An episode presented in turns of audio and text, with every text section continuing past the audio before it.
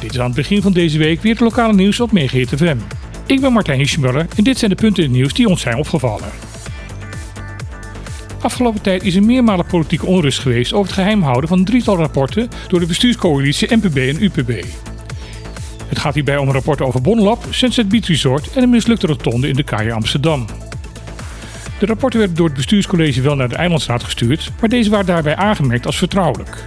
Daarom mochten de rapporten niet openbaar gemaakt worden. Hier kwam zowel vanuit de kant van de oppositie als vanuit de verschillende media op het eiland stevige kritiek op. Als reactie daarop heeft het bestuurscollege de rapporten opnieuw naar de Eilandsraad gestuurd. In deze versie van de rapporten is privacy en bedrijfsgevoelige informatie anoniem gemaakt. Daardoor konden de rapporten volgens BC nu wel openbaar gemaakt worden. Het BC benadrukt in haar persbericht dat ze staat voor transparant bestuur en genomen beslissingen graag wil delen met het publiek. De dienstverlening van Rijksdienst Caribisch Nederland moet verbeterd worden. Dit moet onder andere gebeuren door meer samenhang te brengen in de fysieke en digitale dienstverlening van de Rijksdienst. De dienstverlening vanuit het perspectief van de inwoners moet daarbij leidend zijn. Dit is te lezen in de beleidsagenda van het ministerie van Binnenlandse Zaken en Koninkrijksrelaties, die in verband met Prinsjesdag aan het parlement is aangeboden. In de toelichting wordt duidelijk dat er vooral aan de digitale dienstverlening nog het nodige schort. Staatssecretaris Alexander van Huffelen heeft toegezegd later dit jaar de Tweede Kamer hierover nog verder te zullen inlichten. Ze zei daarbij ook dat ze dan met verdere informatie komt over mogelijke structurele salarisverschillen tussen functies bij verschillende openbare lichamen en de RCM. Het Korps Politie Caribisch Nederland waarschuwt voor online kopen van auto's.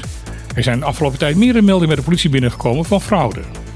Hierbij hebben slachtoffers contact met een verkoper die niet op Bonaire woont. Nadat er afspraken zijn gemaakt en door de koper betaald is, verdwijnt de zogenaamde verkoper volledig uit beeld. Het slachtoffer blijft achter zonder geld en zonder auto. Het KPSN raadt iedereen die denkt slachtoffer te zijn van dergelijke praktijken dringend aan om aangifte te doen bij de politie. Het slechte weer van vorige week is voorbij en de schade die veroorzaakt is door de ruwe zee en de windreversal is aan de westkust in de meeste gevallen weer opgeruimd.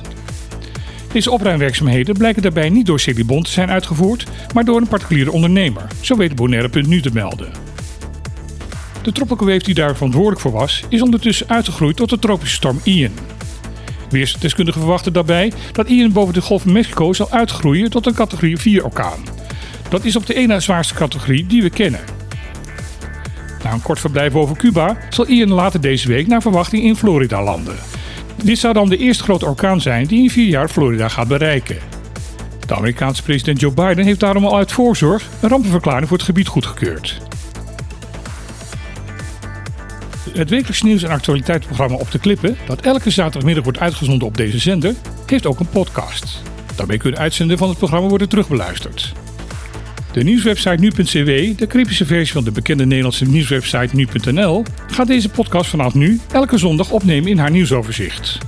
Daarmee wil nu.cw haar berichtgeving over Bonaire uitbreiden. Megahit FM en de redactie van Op de Klippen zijn blij met deze extra aandacht en hopen op deze manier de rijkwijde van het programma te kunnen vergroten. De redactie van Op de Klippen zal zich daarbij blijven inspannen om de journalistieke kracht van het programma verder te verbeteren en uit te bouwen.